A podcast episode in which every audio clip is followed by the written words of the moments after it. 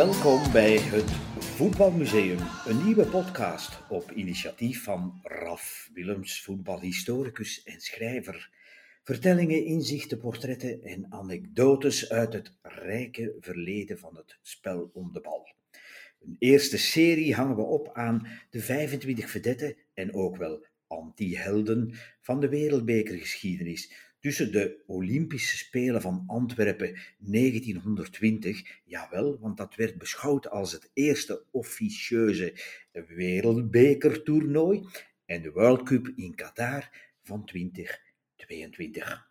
Gebaseerd op mijn boek 111 legendarische voetbalhelden sinds 1920.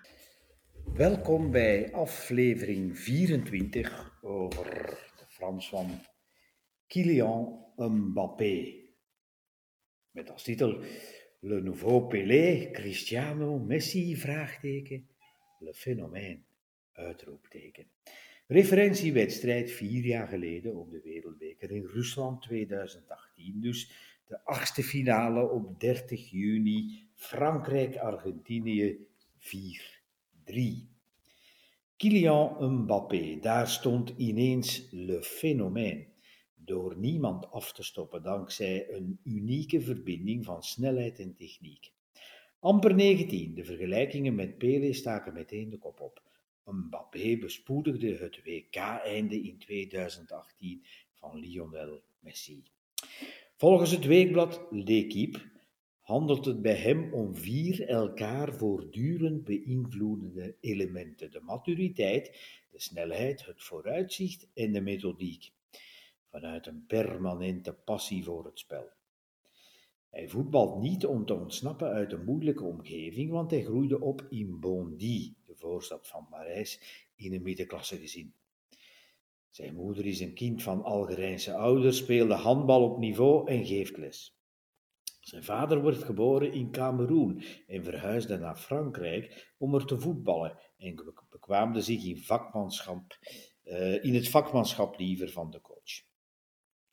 Kilian werd geboren in december 1998, vijf maanden nadat anderhalf miljoen Fransen Zizou president scandeerde op de Champs-Élysées, want enkele uren eerder hadden zijn kopballen Brazilië met 3-0 uitgeteld in de finale van La Coupe du Monde. Het leek dus wel voorbestemming dat Mbappé twee decennia later zijn land opnieuw van het goud liet genieten. Slechts Pele deed het hem voor, de wereldbeker winnen voor zijn twintigste levensjaar. En bepalend zijn in de route naar het succes, met snelheid en schijnbewegingen.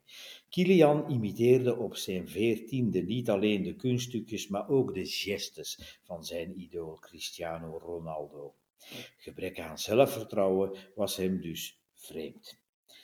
In de zomer van 2016 slaagde hij waar de profs Frankrijk verloor in Parijs de finale van het EK tegen Portugal, maar Mbappé versloeg met de U19 in hetzelfde toernooi in de eindstrijd Italië met liefst 4-0. Van dan af volgde elk seizoen een prijs. Verrassend landskampioen met AS Monaco in 2017. En hoe met liefst 107 doelpunten 95 punten en 8 punten voorsprong op PSG. Hij deelde in de vreugde met 26 goals in 44 wedstrijden, want ook in de Champions League sloegen de Monegasten spijkers met koppen na spektakelkwalificaties tegen Manchester City en Borussia Dortmund. De rit eindigde pas in de halve finale tegen Juventus. PSG leed het geld rollen aanvankelijk voor een uitleenbeurt.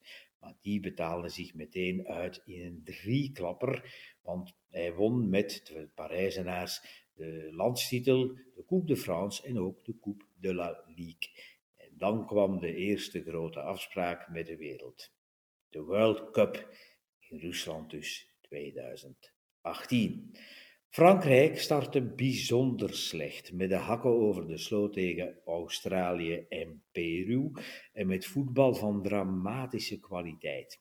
De 0-0 tegen Denemarken beloofde weinig beterschap. In de achtste finale duelleerde hij met Messi. En Mbappé maakte zijn roep van troonopvolger meteen waar. In een tijdspanne van 10 minuten bogen Les Bleus een 1-2 achterstand om in een 4-2 voorsprong.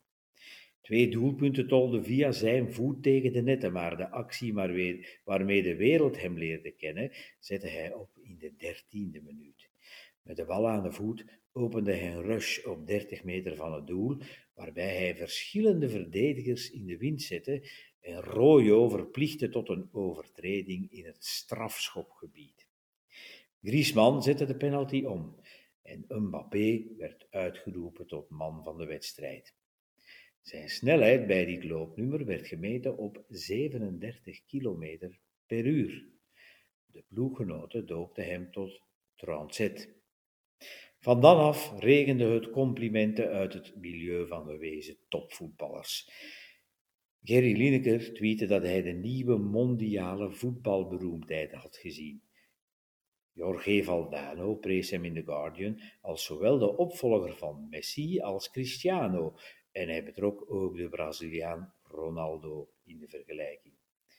Pele wond er helemaal geen doekjes om. Gefeliciteerd, Ad K. Mbappé. Met twee doelpunten op een wereldbeker schaar jij je in groots gezelschap. Verwijzend naar zichzelf.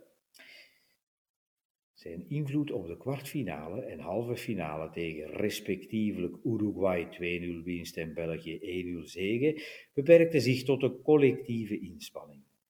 In de slotpartij tegen Kroatië schitterde hij opnieuw. In zes dolle minuten trok hij met zijn sprintcapaciteiten de Balkandefensie open. In de 59ste dribbelde hij zich tot diep in de vijandige 16 meter zone en bood Pogba de 3-1 aan. In de 65ste minuut besloot hij zelf het avontuur te zoeken en de 4-1 op het bord te toveren. Le nouveau Pelé est arrivé, of was het Le nouveau Cristiano, of Le nouveau Messi, of een combinatie van de drie, alleszins le phénomène Kylian Mbappé. Landskampioen in Frankrijk met Monaco één keer en vijf keer met Paris Saint-Germain.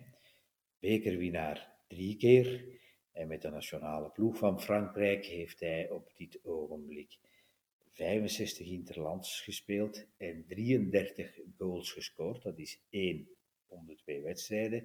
En won hij dus het wereldkampioenschap in 2018 en ook de Nations League in 2021.